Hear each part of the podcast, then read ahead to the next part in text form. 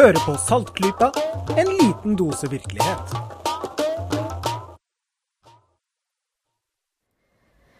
Hei, hei, og velkommen til Saltklypa episode 104. Jeg heter Kristin, og med meg i dag har jeg Jørgen.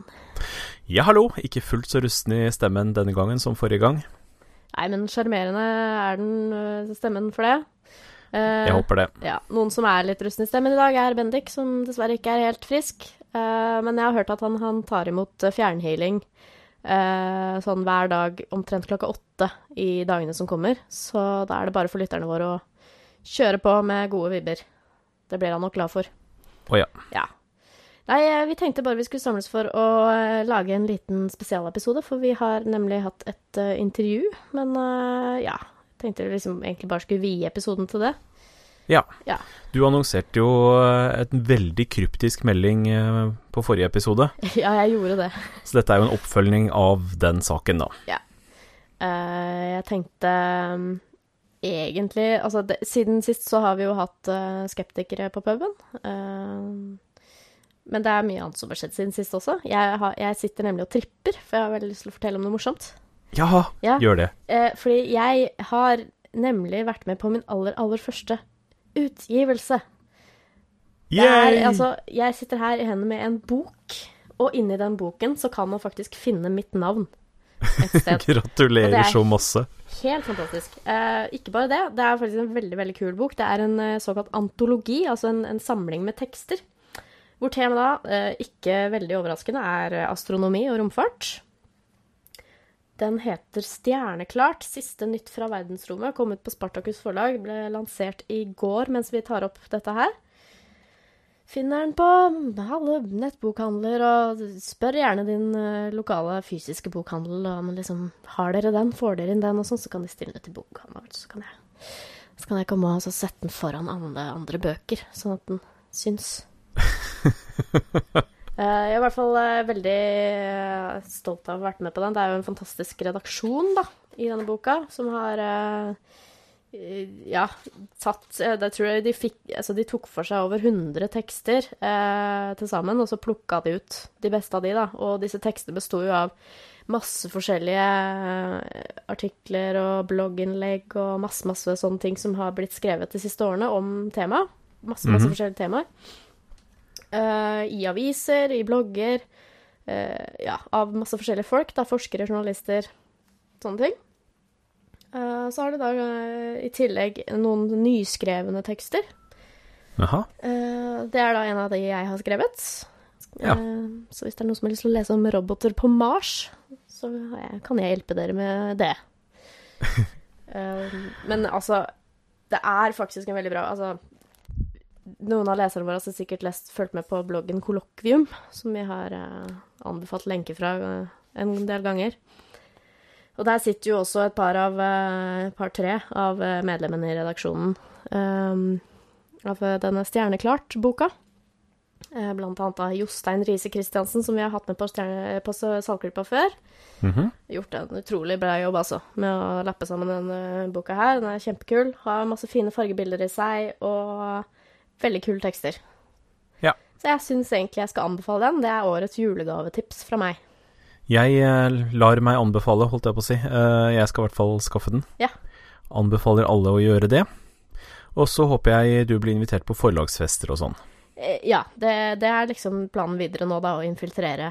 Sånn at jeg kan bli en bestselgende forfatter. Ja, eller i hvert fall få litt gratis børst på en og annen fest. ja, det er sant. Mm. Vi fikk en, vi fikk en Vi var på sånn lanseringsfest i går, så da, da hadde vi litt sånn god mat og sånn. Det var kjempehyggelig. Det er det. Velkommen etter som forfatter, sier jeg da. Jo, ikke sant. Jeg føler meg, jeg føler meg litt mer en av gjengen nå, altså. Jeg gjør det. Det er bare et par tusen tegn, men eh, jeg, jeg melker det for alt det er verdt. Ja, selvfølgelig. Ja. Det kan også nevnes da på, på, på tampen at dette er andre del i en eh, serie som eh, er da planlagt, eh, som heter Populærvitenskap som angår deg. Første del kom ut i fjor og heter Isfritt, og har, driver litt mer sånn klima og geofysikk, nordområder. Mm. Den er Spennende. bra. Den er også veldig bra, så den kan vi også anbefale.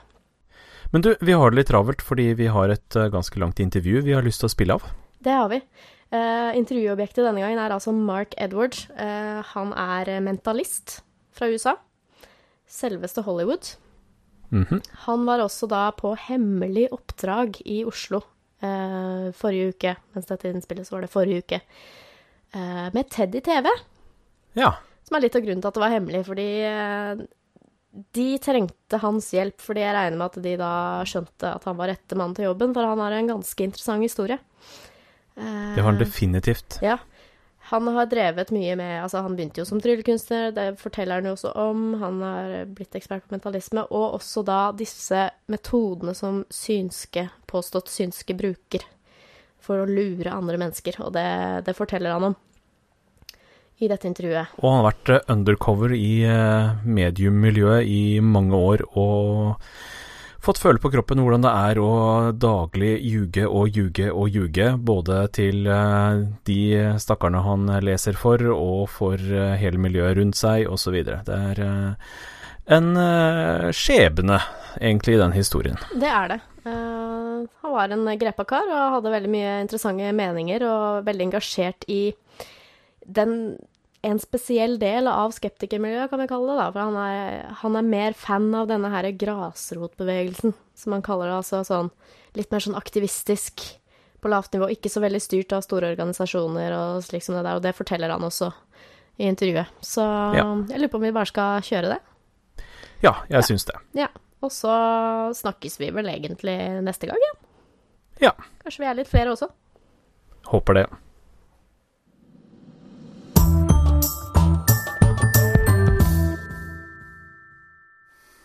We are happy to sit here with Mark Edwards. Welcome to the podcast. Thank you. It's lovely to be here. Uh, you're here because you were at Skeptics in the Pub yesterday and you did a little talk about where you come from and what you do, and uh, especially what you were doing in Oslo. And uh, I think that maybe we should talk a bit about that here Okay. as well, so that uh, any listeners who weren't at the Skeptics in the Pub could, could have a bit of that experience as well. So maybe we could just start out with talking a little bit about your background, where you come from. Sure. Yeah. Well, uh, I'm from uh, Los Angeles, and I grew up in Los Angeles.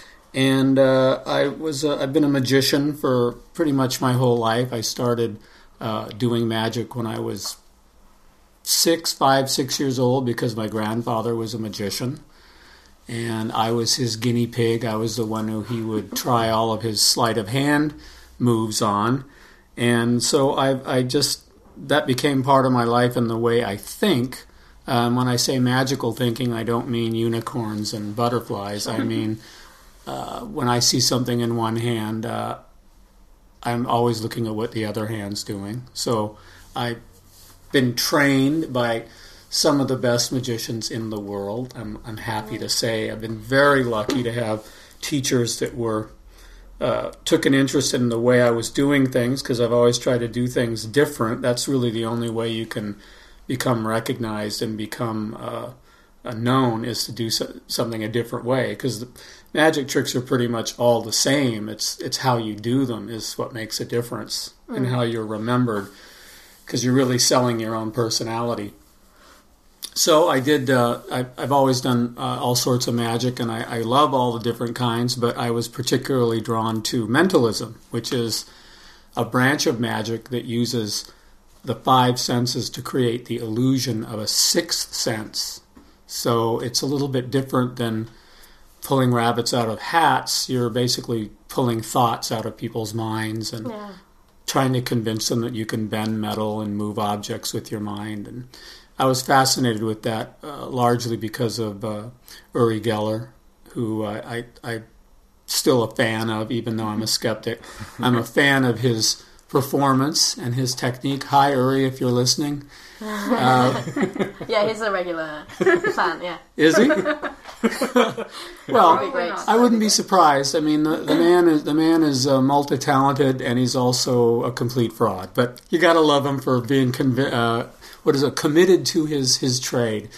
Uh, So, a so special appreciation for what I do, does. I do. I, I, I, I have a special appreciation because he he really made a, a sea change in magic around 1973, 72, 73 when he came to America and went to SRI and Stanford Research Institute and fooled all the scientists.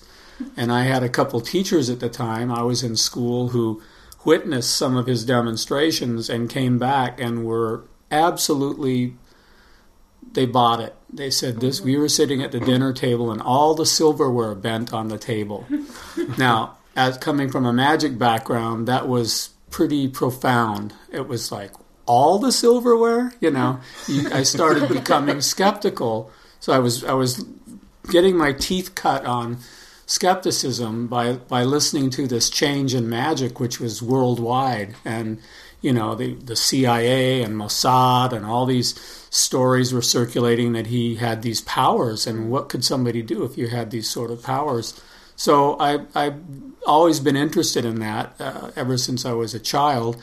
And now I've I've done seances for many years. And then I, I've written this book called Psychic Blues which is my experience in the psychic world, uh, the marketing side of it. Yeah, in other that's, words, that's an interesting part of your career, I think. Yeah. You should, you should touch upon. yeah, I, I I wrote it because I saw mediums and psychics as being performance artists. Because when I went to art school, I was studying people like Vito Acconci and uh, Chris Burden and people who were doing uh, these wild avant-garde performances. And then I started seeing people like Uri and mediums, and I realized they're just doing a performance art. Okay, it just wasn't recognized as that by the people who were there believing and buying into it. So I wrote, I decided I would write a book about it, but I didn't know where to begin. So I decided I would infiltrate that whole world and dig in, dive in head first, and scam the scammers, uh, play their game, but fool them with the techniques that I knew from magic, which I knew a lot of the upper level management in the psych- big psychic businesses they had no clue about that at all. They were just greedy and into making money. So if i did a mentalist uh, uh, routine or used some of that material they had no idea what i was doing but they believed that it was real. I mean well let's put it this way. They didn't believe it was real. They were just like how did he do that? We need to we need to exploit this They believed that they could sell it. yeah, exactly. So, and they did, and I, I kind of rose to the top of the the hierarchy where I was actually doing infomercials for them, which really pissed off the uh, the uh, skeptic groups that I was working with because they were like, "How can we have you come to our skeptics meetings and, and conventions when on television you're promoting these these 900 telephone lines?" So I spent many years where I was walking this line, playing both sides against the middle, kind of. So it was uh, not easy, but out of that came enough information to write my book. And it's called Psychic Blues because I don't see any problem with people talking to each other and getting advice from each other. But when somebody gets a hook in you and they start manipulating you for your money, that's the blues part of it. Mm. So, in my experience, it's people want someone to talk to and share their ideas and their fears and their goals that they may not have. Some people have no family, some people have cannot afford a therapist or whatever. So it, it's in that era, the 90s, it was kind of the poor man's therapy. So hmm. it had a side to it that was uh, from where I was coming from, positive, but it was so overshadowed by all the manipulation and the exploitation that it became kind of a Frankenstein monster. You know, they were borrowing pieces from all sorts of different, Disciplines. yeah, self-help things and making it into this uh, saleable product, which was highly dubious Yeah. to begin with. So I didn't like that. So I got what I needed and then pulled out of that. And uh, I still do readings, but purely for the fun of it. I don't, and I try to inject skepticism into my readings, which is part of what makes makes it different than Yeah. than the other people who are out there doing it. I will actually tell people I'm lying to you. which is, has that, that, that effect of like if you tell somebody don't listen to what I'm telling you and I'm a complete charlatan, it has the opposite effect. People are like, why why are you saying that? You know. So it's it's been an interesting couple of years. The book the book is doing okay, but now I've become uh, a skeptical activist, where I'm I'm just tired of going to meetings and tired of hearing people talk, talk, talk, talk, talk, and all the politics that are going on with the skeptical movement. And now that in America, it's just a huge mess. Nobody's getting along, and they're not focused on what they, in my opinion, they're not really focused on where they need to be working, and instead it's all infighting. So I've just started doing more on my own, Yeah. and I found that when I go out on my own, I can be much more effective hmm, because yeah, I don't you're, have to. you're a big fan of the grassroots. Yeah, the approach. grassroots thing Yeah. is the way to go because if I have to ask someone's permission to go out and do a protest or something, then it's that's just another dogma. It's just mm-hmm. another bunch of people trying to control me and I don't like that, you know, and there's all this hand wringing and oh, you mean you lied to people and well, to me it's like if we're going to go after this, we have to fight fire with fire. And I tell people, yes, I will sting them, I will trick them, but I tell them in the end that I that that's what I did.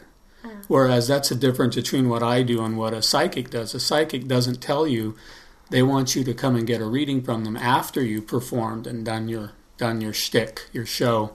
So my thing is to get people to think and recognize, uh, you know, if you if you smell a rat, get out of there. You know, don't don't make excuses for the psychic if they're wrong right off the bat. I mean, it's okay as an entertainment, but a lot of people get taken in and lose a lot of money. So my thing is buyer beware. Mm-hmm. Yeah.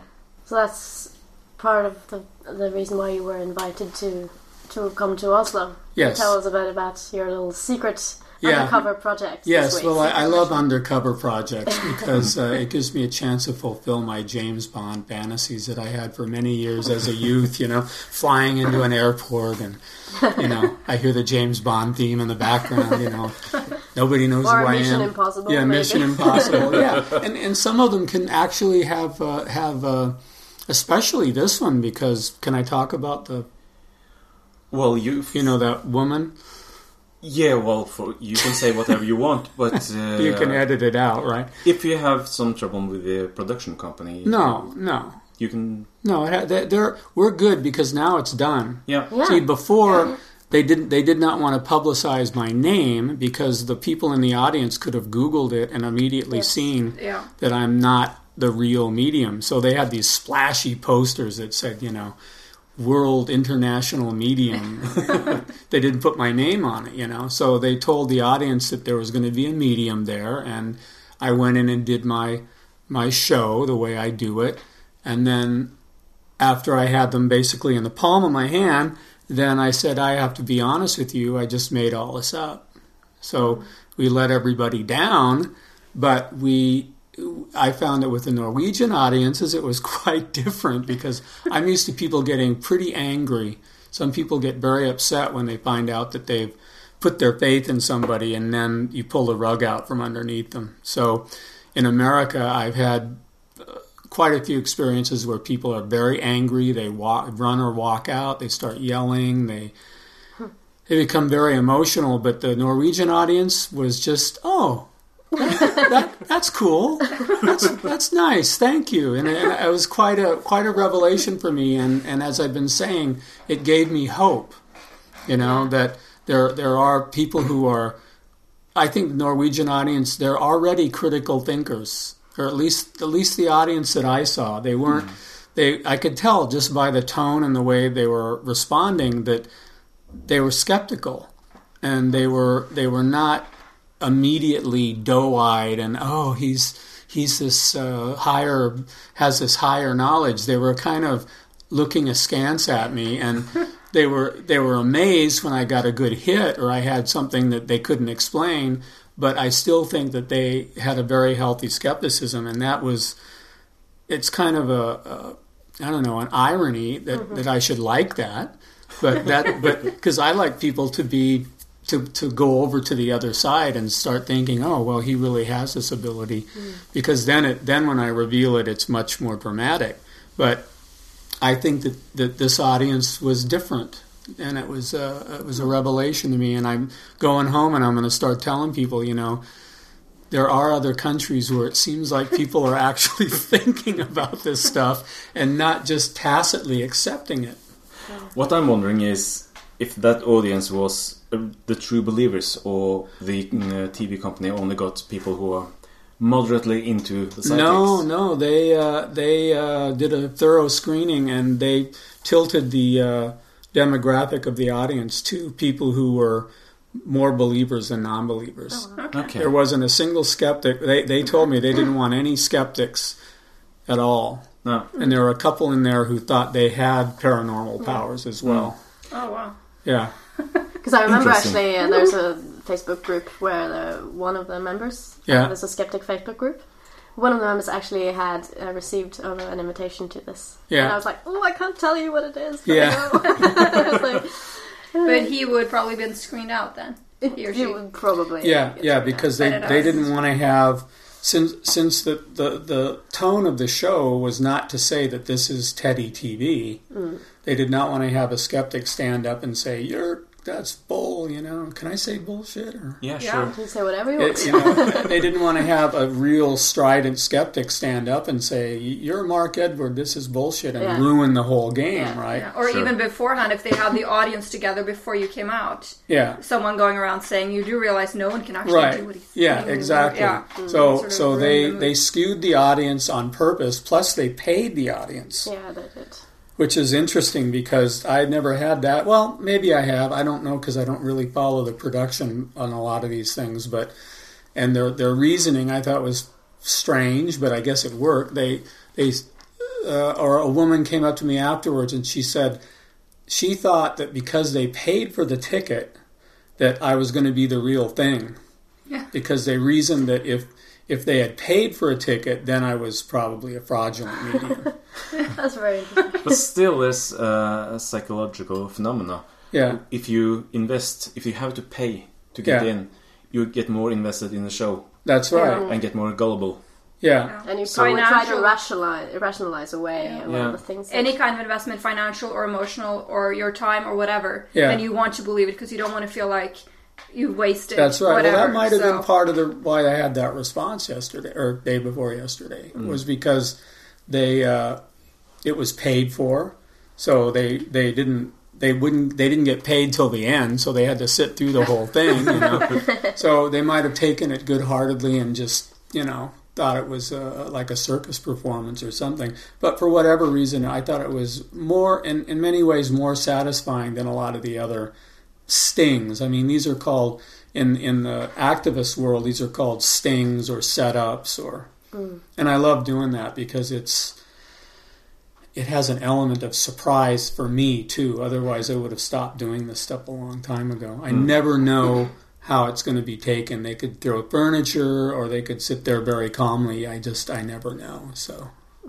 Have you ever received threats like afterwards to someone like No. emailed you and No. So they don't take it that seriously. It's like right then and there they have an emotional reaction and then they sort of let it go. Yeah, I have had Good. threats from magicians. Uh, back back when I did some television shows where I revealed some of their so-called secrets, uh, and it's not that yeah, I that's a regret touchy that. subject, isn't it? Yeah, it's very touchy because you know, I mean, get a life. You know, I mean, to me, it's it's the secrets that were revealed were directly uh, involved with how mediums have tricked people. So it wasn't strictly speaking a, a magic show thing. It was a technique that's been used for decades, centuries. That is uh, a deception. Now, unfortunately, some of these things that are deceptions, they pass down through the ages and they're they become saleable magic tricks. But that doesn't mean that somebody can't use them for the wrong reason. So I, I get into these arguments, you know, it's like that isn't that isn't a psychic thing, that's a mentalist thing. Well, there's a very very short bridge between one and the other. Uh, I don't think most mediums today use a lot of those things, but I will say that in my experience, again, in my experience, I've seen many people who had to start out using some of these things because you don't get a reputation by just doing a cold reading, which is the standard thing we see today. You have to have something to be right all the time so that mm-hmm. you can get the momentum going. Once you get a career going, then you can throw those things away. But in the tradition of mediumship, there's always been, it's called mixed mediumship. And mixed mediumship means, well, if the show's not going real well, I might throw in one little trick. You see, so that's where it gets a little dubious. Yeah. You talked about the way that you weren't very much into the big, the big organizations anymore, the big conventions, the big thing. Uh, Right. do you think it has any merit at all? I mean, for uh, Oh, absolutely. Yeah. Yeah, I think I think that if you're if you're just finding out, I mean, when I first got involved with skepticism, I thought there might be something wrong with me, you know, because I didn't I didn't have any other friends that were. Uh, I mean, I didn't even know what atheism was or agnostic, none of that. I just was questioning things, and I I didn't really have anybody to go and talk to. So I think initially it, it it's very good. Uh, it's just that at a certain point you you you've had enough, and you want to. I want to do something. I don't I don't want to hear any more talk. You know, Yeah. it's just for me. It's I'll go and hear certain people if I think Yes. that I can use some of their information for what I'm doing. But I don't. For the most part, it's a it's a it's a good thing to to uh, as an entree to to find where your niche is. In other words, when I first got in, in, in with the skeptic groups, I was always involved with psychic and magic, but I never focused on that because there was so much. You know, there was what there was pseudoscience, there was uh, medical fraud, there was uh, you know all basically trickery. And you know, through that I met Randi, and Randi became a very good friend. And but him and I have always shared when we get together, we don't talk about skeptic stuff. We talk about magic. you know? We talk about all the crazy magicians that we've known over the years, and and the hoaxes and the, the way that they took advantage. It's it's learning how to take advantage of the moment. That's what a magician does. Mm. So so that's why I say with Randi, I can always talk about something and have a good time. But if I go and I hear Richard Dawkins or something, it's kind of like, okay, so you know, it's like duh.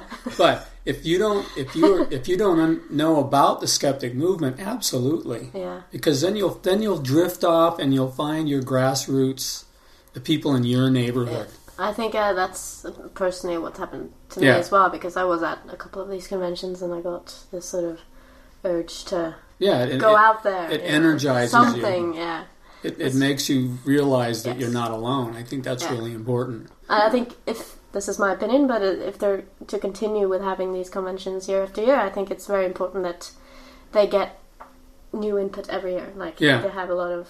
They don't only have the same. Well, that's another and- reason why Yeah, for me it, it was became redundant and it was the same people over and over doing the same thing and and I was one of them, you know. So it, it it's just a growth pattern, you know. You grow and uh, like Susan Gerbic, my girlfriend, she she was in the movement. That's how I met her. I went on a, a Randi cruise to Mexico, and at that point, she was mm, fairly strong into the movement, but she really didn't have a direction. And she kept asking me, "I, I want to find something that I can do that's mine." And now she's got the Wik- uh, Guerrilla Skepticism on Wikipedia, which is huge. She just got an award from JREF, not this last year, but the year before. She's being recognized all over for this, and now she is conquering the world. You know, she is. It really energized her, and and she can do it in her pajamas uh, at home in front of the computer. She doesn't have to get out in the street and demonstrate or anything. So she found her way of doing something, and she's got something like 97 editors all over the world, and they're they work day and night changing, uh, you know, content in, on Wikipedia, and it's really pissing off all the phony phony Yeah, psychics. You know, they have a bit of a stronger card when when they actually have. Yes, they they go and fiercely edit Wikipedia articles, Yeah. but it is towards what's actually true, and Well, they back it up that's- with facts. yeah. they, That's They- why Wikipedia. I mean, when people, when you go to Google some medium you see, Mm. what's the first thing that comes up? Usually, yeah, Wikipedia.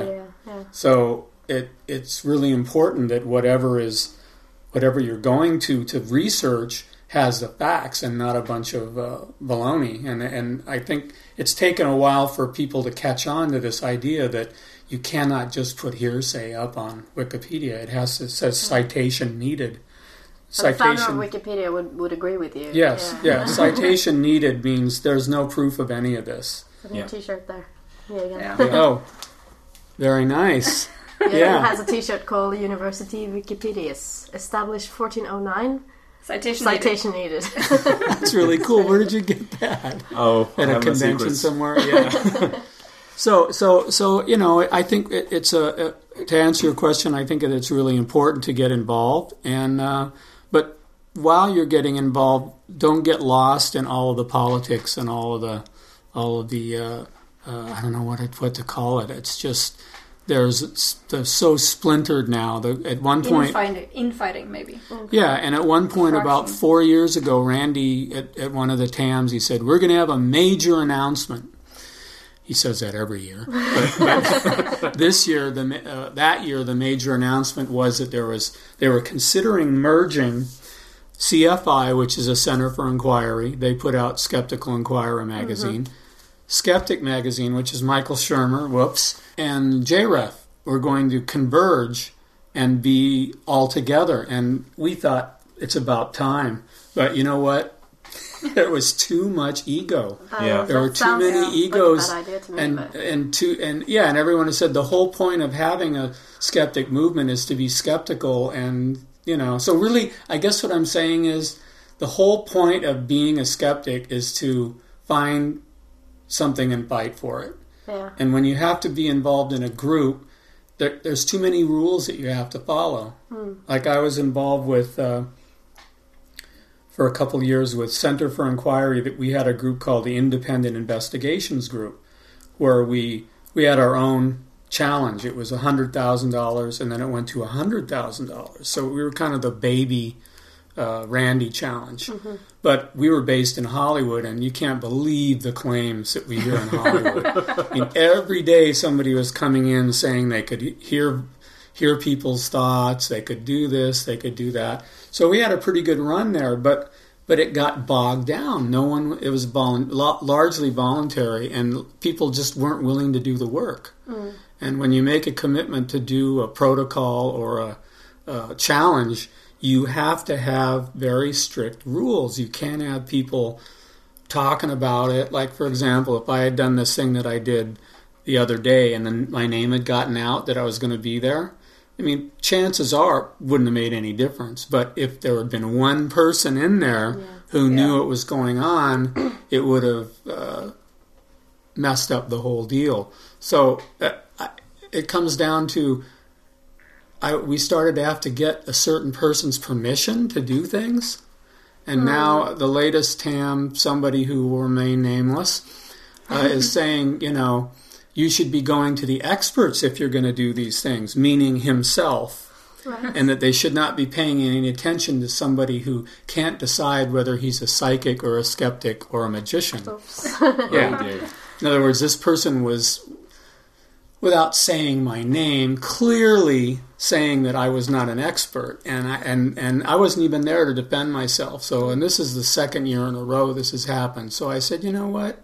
That's why I'm not there, because hmm.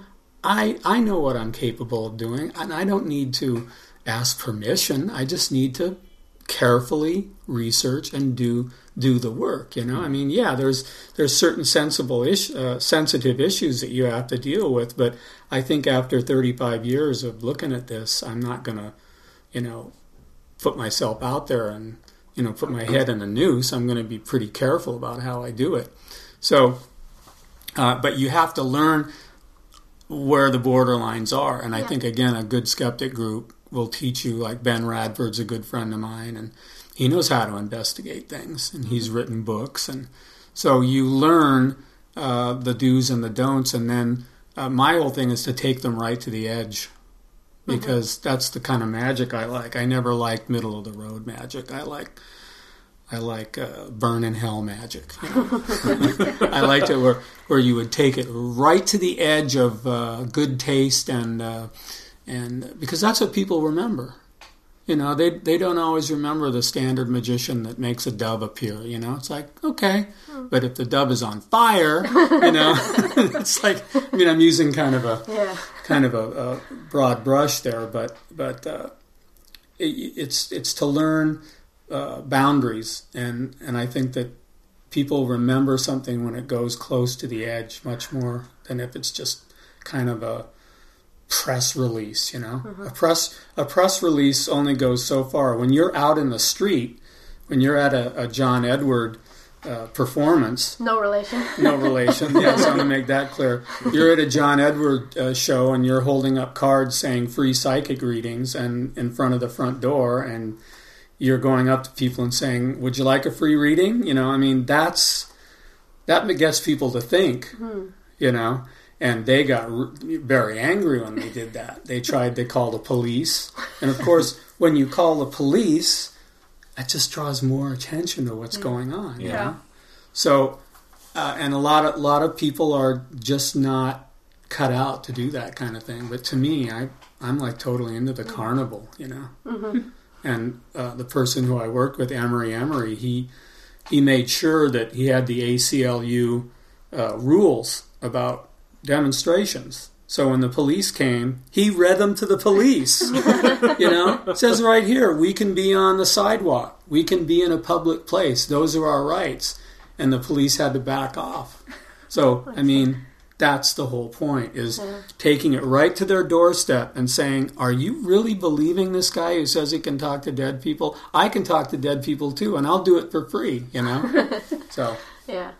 So do you have? I mean, I, suspect that there may be one or two of our listeners who don't really have found, uh, haven't really found their niche yet, or Yeah. don't know Oh, I'm sure. if they want to do some grassroots stuff. Do you have any tips for them? Just. just Well, the thing a- is, just like you said, there's probably many listeners out there who you have that gnawing feeling in your gut that something's wrong here. you know, that's what that's what it starts with. Is just this feeling that you something's not right. Okay, so my tips are: do your homework, do as much research as you can, and then find a way to bring it to the media.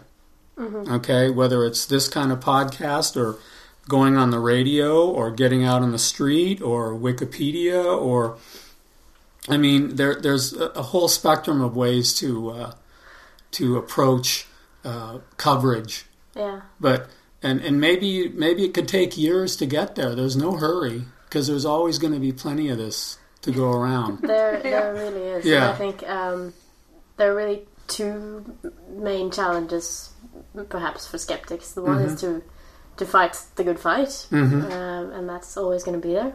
But the second thing maybe is also to recognize that there are so many ways of going about it, and not fight your fellow skeptics. Maybe That's Just- right. Yeah, just Well, the- the whole thing is there's many room for everybody. Yeah, if you're a writer write Mm. if you're a performer perform if you're a speaker speak you know that's if, If you you're want a singer, the, you if know, you want to meet in sing. the pub, just go on Facebook and create an event. yeah yeah or you you can you can uh, i mean there's so many different podcasts now that you can get involved with it's uh and i i tend to think there's too many of them right now but but, but the, the point is people are listening and i mean I've, I've talked to people that are in the middle of saskatchewan or oh. nova scotia and they're like the only person in town that doesn't go to church and i mean it's just you know they they need encouragement just as much as anybody else Yeah. and so when we link up, there's there's there there is strength in numbers. I, there's no doubt about that. I mean, when you go to TAM and there's 1,500, 2,000 people, it's amazing. That's why it's called the amazing Yeah. meeting. But unfortunately, I'm just not a joiner anymore. You know, I've, I've, I've never. I, I, people have told me I'm an iconoclast. I don't fit in anywhere. Mm-hmm. You know, I, I I don't especially like magicians. Sorry, guys. I mean, I mean, yes, I have I have met some of the greats, and maybe ten to fifteen percent I really have a great admiration for. But for the most part, they're a bunch of ego maniacs, you know.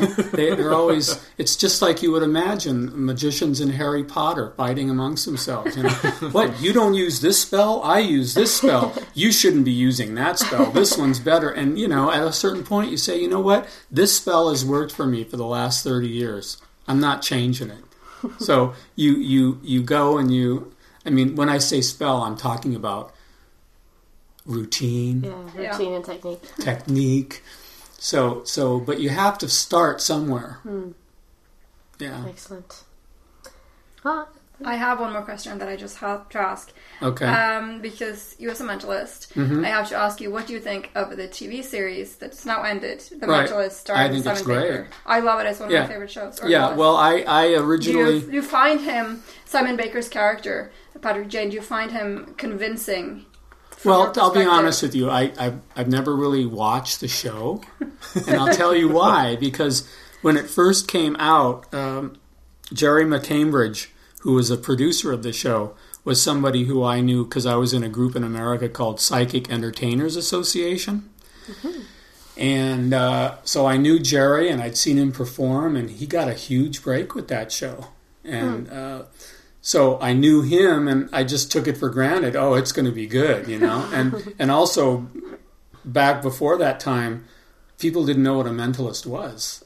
You know, uh, there's a great joke that my my friend Bob Cassidy, who's one of the top mentalists in the world, he he has a technique that is absolutely stunning because he honed his skills in biker bars and strip clubs. so imagine doing mentalism in a biker bar or a strip club. You've got to be pretty compelling, right? Yeah. So he tells a story where one night he was he comes out and he says, "I'm a mentalist," you know, and then he goes and does his act. So at the end of the show, a guy comes up and he says, "You know, that was really amazing, but what does it have to do with being a Methodist?" True story, right? So now, because of that show, people know what a mentalist is, and uh, I, I do. I, I, I mean, I don't really have to see it to know what what was going on there because a mentalist observes and evaluates. But for me, I, I prefer Sherlock. You know that show That is where they great. show the mechanisms of him thinking. I, they didn't do that on the Mentalist, I No. don't think. No. But see, there's a parallel between those two characters, and I'm somewhere in the middle there, you know, because I don't, I don't work with the police or pretend to do that. That's just that's fantasy. There's no mentalist working working on murder cases. Trust me. I mean, it, it it's a skill that is that is made to in that particular nuance to show how a, a, a, a police officer should think. You know, they should be able to think that way anyway. And it's kind of co opting the idea of how a, a good deductive reasoning person will work. Yeah. And of course, there's tricks in there too. Uh, so I, I think mentalists owe a great uh, debt to that TV show for opening things up. But now I have to say this, though. That being said, I would say now mentalism is so popular now with magicians that it has almost Yeah. reached a tipping point. You know, we've got Derren Brown and mm-hmm. Yeah. so many people that are out there that now it's almost like I don't want to do it anymore because because when I was doing it, I'm not tooting my horn too loud, but there was only a handful of maybe 35 people internationally that were doing it professionally. And so it was very tight and close knit. Now every magician wants to include one little bit of mind reading in their act. And once you've tasted that, you don't want to do rope tricks anymore because it's this feeling of great power comes from it, you know, because people want to believe in it. You know, they don't want to believe that when you cut the rope, it's one piece again. But if you can predict a future event that somebody's thinking, it's different, see? So I think that it, it is, uh, because of that show, it has transformed the landscape of magic quite a bit. Quite a bit. Every, every day I'm getting a, a magic catalog page from some magic company where it's like the latest mental effect, you know. And a lot of it is becoming electronics, things with electronics, which are so sophisticated, I don't even want to do them. It's like, because I knew that when with electronics if something go well, will could go wrong, it will go wrong. Yep. So I mean, and I've talked to these kids. You know, they're like half my age, and they're like spending two or three thousand dollars on some little electronic gimmick, which is cool because it again it goes back to the spy thing, the Mission Impossible. now Mission Impossible is is become kind of a performance art, which Yeah. I like, but it's a little too technical for me. So I think I think the Mentalist opened the door, just like Uri opened the door in the late seventies. And uh, what's next is the real question. And I think what's next is uh, fighting the good fight. And that's why my one of my big goals is to try and get Psychic Blues as a television series. You know what Right. what would it really be like to live a lie like that? What because that's what my book is about. It's basically it's kind of a dark, humored narrative. Uh, it's like Breaking Bad, only it's about you guys got Breaking Bad here, didn't Yeah. you? You know, the idea is once once you get involved with it and it starts to snowball and you start getting testimonials from people, oh God bless you and your gift, you know, you you, you are so powerful. You you could start to really believe in yourself, or Yeah. you just Some people do. yeah you fool yourself and you you become that character so i think it's about time that a show was done not necessarily a skeptic documentary type show like brain games and bullshit and uh, and the show that i just did but actually a dr- dramatized narrative about somebody who for whatever reason decides to become a tarot reader. And they find out that they're really good at it because they're good at human nature and they get bigger and bigger and bigger and yet they know that they're not they don't have any ability at all but Uh, the- maybe that there is no such ability. Nobody has it. nobody just has makes it yeah yeah I'd and watch that. Yeah. yeah I you would watch that watch yeah that. i mean it's kind of like i don't know if you remember the fugitive television series where the guy was chasing after the one-armed man that- Yeah, I never watched know. it, but I know of it. that kind of anthology type of a show could be really really powerful because imagine if you if you not only were following this main character but you would branch off into different people's lives that he if he or she affected. And because a medium or a psychic can say something totally off the top of their head that they don't even think about and it can end up changing a person's life totally for the good or the bad. And i think that's something that people they know it happens but they need to see a dramatization about what can what is what are the pros and the cons of that you know? What what if i say you know um, i'll give you an example i have a woman who every year i do this haunted hayride okay it's a halloween thing it's a halloween party mm-hmm. okay it's not an ashram or a spiritual temple it's just kids and pumpkins and Just fun for all. it's fun, right? But every year, and I've done it seven years in a row, and I do readings, this one woman comes back to me every year, and almost every time she says, Everything you told me last year came true. and you just pull it out of the air. Well, that's Based on I'll tell you what I'll tell you what the story this last time. She came and sat down and I recognized her and she just had this glow around her like I was like what is going on, you know? What she was just doe-eyed like just looking at me like I was, you know, some kind of some kind of religious entity or something and I was like, "What what happened?" And she said, "Everything you told me came true." And I said, "Well, can you tell me about that? You know and she said well first first give me a reading. So yeah i just do a general reading and i just do what i know about her. She, i've seen her for three or four years you know so i'm just telling her what i already know. And then i said okay that's done. Now tell me tell me exactly what i was correct about. I need to know. And she said you told me to be patient that's it that's it i said and and she said, No, you told me to be patient and everything would happen, and everything happened. Right? So, did I really have anything to do with that? It was just that one phrase. She's thinking that I made this change in her life. And I guess you could say I did, but maybe I only made her aware of patience as a virtue. Just be patient and it'll, it'll happen. So, so you can say something to a believer and they will run with it and that's that's both dangerous and kind of exhilarating in a way, you know. But I think it's more dangerous than anything else because most of the psychics that are out there, they'll just toss off any anything, and they'll you're, you're you know that cancer is not going to clear up, you know. And sorry about your boyfriend, Yeah. he's That's the worst part that they will tell these things to people who are really in a desperate situation. that is like, right. uh, she was desperate. Yeah, Yeah. these three women who were held captive for like a decade Yeah, with by Sylvia what's Browne. his name? Uh, yeah, Yeah. because one of uh, the mother of one of these women, she had been told, "Your daughter is dead. You will never see her again." And I guess that On Browne that told her. Montel. Yeah. Yeah. Yeah. and she died Right. believing that. And two years later, it was revealed the daughter was actually Well, they alive said the whole they time. say that she died of a broken heart, which Yeah. is kind of pushing it a little. Yeah. bit. That's pushing a little, but she did die. Yeah, yeah. believing that her daughter had been murdered in some horrific way, and that was not the only time that Oh, Browne did. No, Syl- Sylvia yeah. Browne was never right.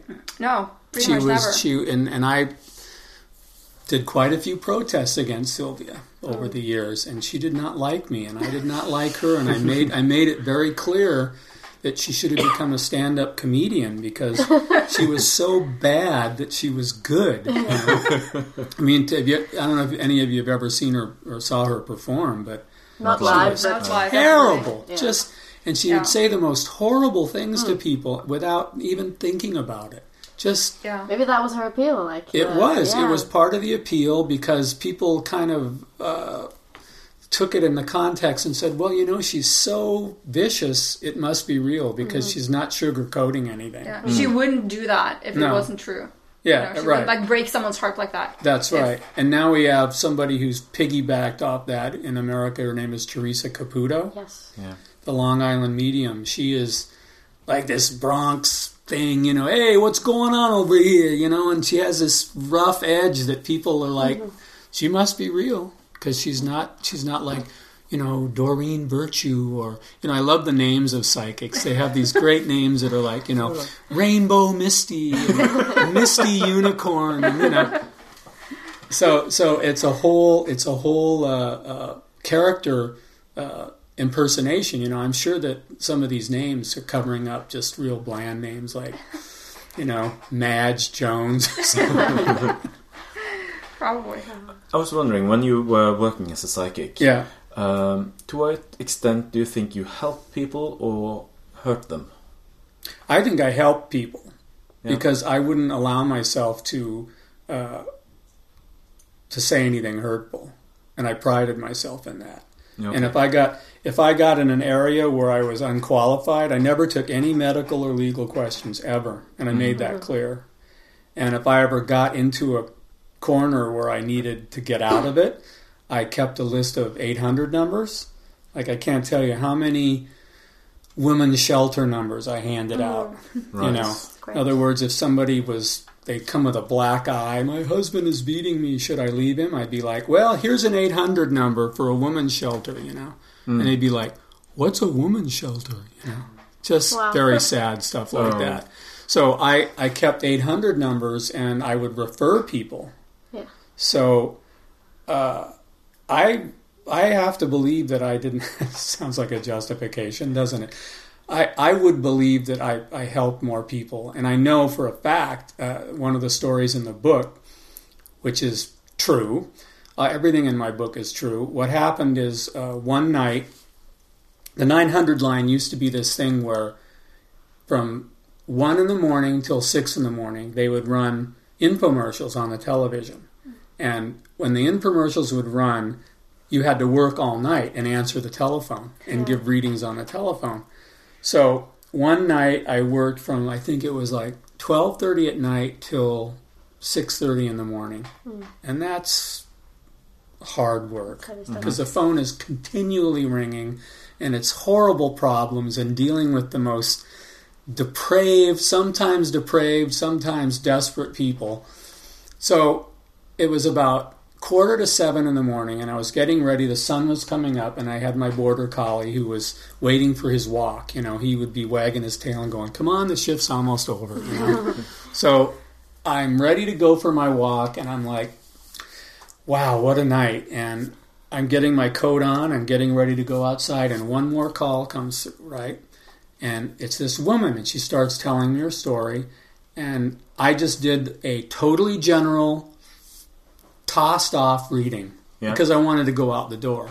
I wasn't thinking about the person. I was not making any particular uh, psychic reading. I was just saying, "This is what I see. This is what you must do." Yeah, just a stock thing. Stock Yeah. reading, Yeah.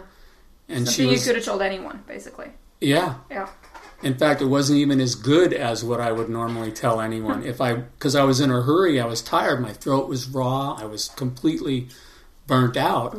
So she hangs up, and then about four months later, I get a call from Psychic Friends Network, and they say, "Do you remember Ginger?" And I said, "No." and I'm like, "What did I do?" Because usually they would they would only call you if you did something wrong, you know. Mm-hmm. I said, "No, I really don't." And they said, "Will you talk to her at six six twenty five a.m. on such and such a date? Is that ringing any bells?" I said, "No." You know, I mean, you talk to hundreds of people. Hmm.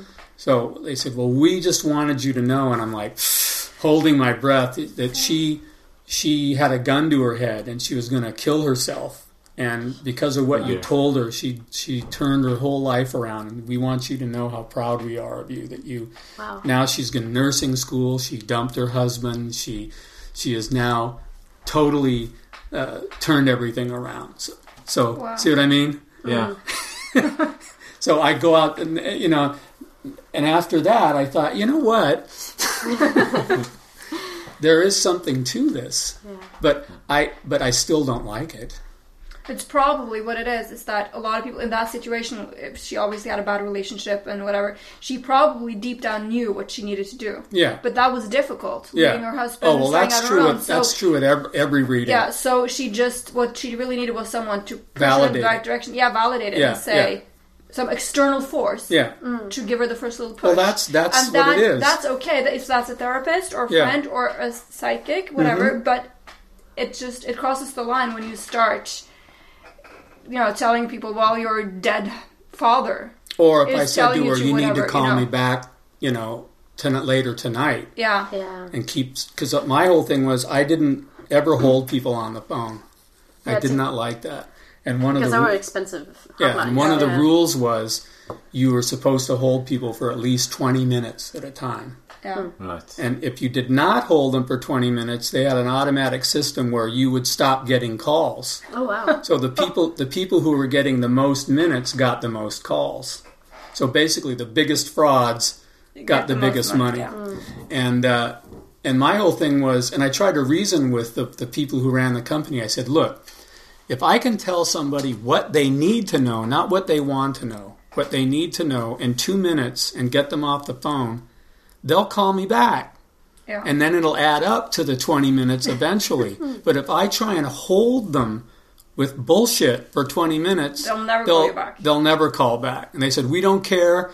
Those people are we just want you to maximize your maximize your bullshit level." And I I just and I also would tell people the truth, you know, they would they would call up and they would say, uh, "All right, I need some lotto numbers." And I, they say, "Can you can you give me some lotto numbers?" And I'd say, "Sure." You got a pencil? And they're like, "Yeah, hold on a minute." And then and I'd go 12, 24, 36, 17, 18 and 9. You got them? And they go, "Yeah, yeah, cool. Cool. Thank you." And I'd say, "By the way, I didn't say they were winning lotto numbers." It didn't specify that. and they go, "Well, wait, you're supposed to know." I said, "You know, I'd say, I'd be honest with them. I'd say, do you think if I could do that, I'd be talking to you right now?" and then they would think they would. There'd be a pause, and they'd go, "Wait a minute, you're not like those other guys." So those people would sometimes call back again because they, Yeah. I was different, you know. I wasn't like saying, you know, you need to get a panther bone and wrap it in black and pour, pour cinnamon on it and then bury it in the ground for two. You know, that's the kind of stuff that goes on. So, it, in a way, it was it was uh, an adventure to say the least. And in my book, some of the most outrageous calls. I mean, just things that you were they were right out of the twilight zone, and they really made me wonder. It was it was part of the fun was you could because of the way the switchboard worked, you could change your particular vocation if you wanted to. In other words, one week you could be a tarot reader. The next week you could be a ghost hunter. Right? and then the next week you could be a runestone reader. Oh, and oh, what they would do is they would say, Would you like to talk to Mark, ghost hunter? And those are some of the most amazing calls because you would get people calling up telling you these stories, and you had to think to yourself, they're paying three ninety nine a minute. Why would they make this shit up?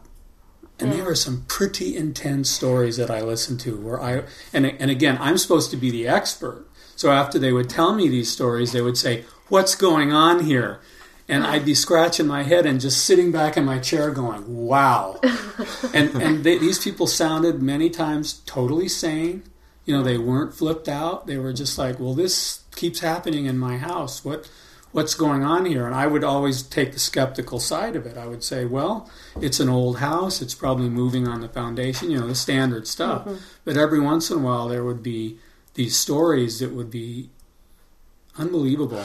I mean, and it really made me wonder, you know. But it made me wonder the the deep levels of psychosis in people more than anything else. Yeah. Yeah. I was just thinking that because you don't have to be uh, a ghost hunter or whatever to get those kinds of calls. A friend of mine, she works at a bank. Yeah. She's done customer service for years, and she has gotten some calls Yeah, from people who were like apparently sane and normal. That's right. But as you get to the bottom of their question, you realize this person needs to be committed. you know, she doesn't need a bank; she needs a psychiatrist and Yeah. heavy doses of Wow. yeah, you know, uh, even if there was one person, especially they talked to this person, he called every week for Yeah. several months, and no one had any idea that there was anything wrong with him at all. Yeah. He was waiting for a transfer into his bank account. Uh, and he just wanted to check if any money had been transferred, but there was just the usual. This would be a large amount, but it was just the usual, you know, like his paycheck and whatever. yeah. Uh, and until finally they decided we have to get to the bottom of this because maybe you know whoever's sending it has used the wrong account or whatever. And they Yeah. started asking him where's it coming from? Is it domestic or international, whatever? And then he explained that it was an intergalactic transfer. Oh yeah. Okay. and they eventually started going into more detail, and they were like, okay, Wow. you know, this is probably I will let you know when the money arrives. Okay, Yeah. bye. And they had no one had any idea. Like five Right. different people had talked to him for weeks and weeks and weeks, and no one had any idea. But he turned out to be Yeah. yeah. And see, the so thing is, you most can't of, tell by most of the people on who do these kind of phone jobs, they don't have degrees in anything. No. They can't. You can't tell anything. You just have to try and deal with it as best you can. I mean, there's a story in the book about this tailor, this uh, man who was a tailor, and he he told me the story where you know, tell me about the scissors, and I said, what about the scissors? You know, and he goes, don't you know? You know, there's this whole conspiracy. These tiny little scissors, like miniature scissors, were appearing everywhere. They were under uh, in his food, under the pillow at night. Uh, on the train, they would be inside the newspaper. It was like a Twilight Zone. I don't know if you get Twilight Zone here, did. but but he was like, "What do these scissors mean?" You know, and he was really convinced. And I said, "Well, what you have to do is." Can you send me one of these tiny little scissors? You know, this is after talking to him for like 30 minutes about it. And he said, Well, that's the problem. I said, What do you mean? He said, Well, I collected all of them and put them in a drawer and locked the drawer. And this morning I opened the drawer and they were all gone. Oh, that complicates Yeah. things. Oh. yes, it does. So I said, Well, you know what? If they come back, send them to such and, and I had to mail them to the company. But I mean, Mm. these Yeah. stories, they're paying three ninety nine a minute for this. Yeah. So you have to think they're desperate. Mm. So, I mean, and they really believe in it. It's real yeah, to them. It is. It is. It is as real as anything else, and they don't sound. They don't. They aren't hysterical, and they're not, you know, speaking in rhymes or anything crazy. They're just. They sound sane, like you said, like the intergalactic transfer. You know. Yeah. That's how the brain works, or doesn't work. Yeah, yeah, it's a, wi- a wiring issue. But so there were many adventures that came through that made it it made it a real uh, adventure to, uh, to to listen, and I learned how to listen more than anything. Sure. Yeah. Sure. And I told told this woman I did the interview yesterday is that it's being psychic. This means paying attention. Mm. That's all it is. Oh yeah.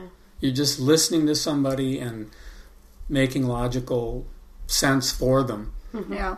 But when you attach a supernatural reasoning behind it, that's where the problem comes in. Mm. You know, if you can just say to somebody, I will listen to you and give you my opinion, nothing supernatural about it, then people were like, well, I don't need that. I need to go to somebody. you know? It's like if I went up to somebody in a supermarket in the checkout line and I looked, turned and looked at them and I noticed their shoes and their clothes and whatever and started reading them, mm-hmm. said, you know, you, this change and you need to do this, you know, that person would go, security, get this guy out of here. You know, I'd be taken away. But if I'm sitting in a room and it says psychic reader behind me, that same person would stand in line for an hour to talk to me And pay for it. and pay for it and believe it. So it's like context means everything, and that's to me is one of the great ironies of the whole thing is people stand on a street corner and we call them crazy, but if they're on television, they make millions of dollars. you know, it's So, uh, just to end uh, this very, very interesting conversation, Yeah. if you use your psychic powers to look maybe 10 years into the future, what, Yeah. do, you, what do you see for what you do and what Skeptics Oh, Internationally well, I can do? I can tell you what I would like to see. Uh, I mean, I'll keep doing what I do, uh, making a, difference where I can. And again, if I can save one or two lives, you know, it's that whole thing. Uh, I mean, I, that's that's really my goal is to. I don't know. It's like you know, when you're a magician, you think I'm going to be the greatest magician in the world, and someday somebody's going to remember me and long after I'm gone they'll say oh I saw this guy perform I, I've always had that in the back of my mind but but magic isn't enough. I think it, it would be more to be a humanist helper in another like way. Another using using my magic and my performance skills to reveal the truth. But again the truth is what do we call it? Uh, subjective. So uh, I would like to be remembered for. I know that woman whose life I saved will remember me. See, Yeah. so I know there's one person on the planet who, of course, she could be back with her husband, and it could be all different now. But, but I, I would like that. I would also like to, you know, leave something behind, like a really good television miniseries mm-hmm. about what the real psychic world is about. Yeah. Because you know we have in America we have these so-called reality TV shows, Yeah. Yes, and they're like them here, most haunted places, and we have the History Channel and the Learning Wow. Channel, yeah, running these awful shows where every single week they seem to find a ghost, you know, Yeah. but science doesn't seem to know about it. So I would like to help or be at the helm of something that would uh, be lasting like that. Because I mean, I still watch old episodes of Outer Limits and The uh-huh. Twilight Zone uh-huh. and One Step Beyond, and those were those were formative shows when I was growing up. So I would like to do something that would would be remembered and people would watch it and, and, and learn from it. Because my whole thing is to try and get to the biggest audience I can get to. Uh-huh. You know, and it's not easy. When you when you try and tell the truth or my version of it, people don't really want it. You know? Yeah. I mean, we do at this table, but that's a handful when it, when you go against uh, the Kardashians. You know, like my my videos on YouTube get you know a couple hundred hits, and I look at Kim Kardashian, it's like ten million hits every week. So there's there's a gray area there. Uh, there's a middle ground where I, I would like to somehow raise the consciousness or whatever we want to call it and, and be remembered for that. That would be enough. Let's hope you do. Yeah. Yeah. I'm working on it. That's why I'm here. Yeah. Well, thank you very much. Thank and, you uh, for good luck having in me. your work. Thank you. Thank you. All right. Thank you. Saltklypa lages av Kristin Lisha, Jørgen og Bendik.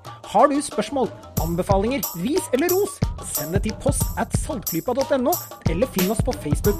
Lenker til alt vi har snakket om i episoden finner du på saltklypa.no, hvor du også kan abonnere på podkasten for å få hver episode levert på døra helt gratis. Takk til Smart 9000 fra Evig poesi som har laget kjenningsmelodien.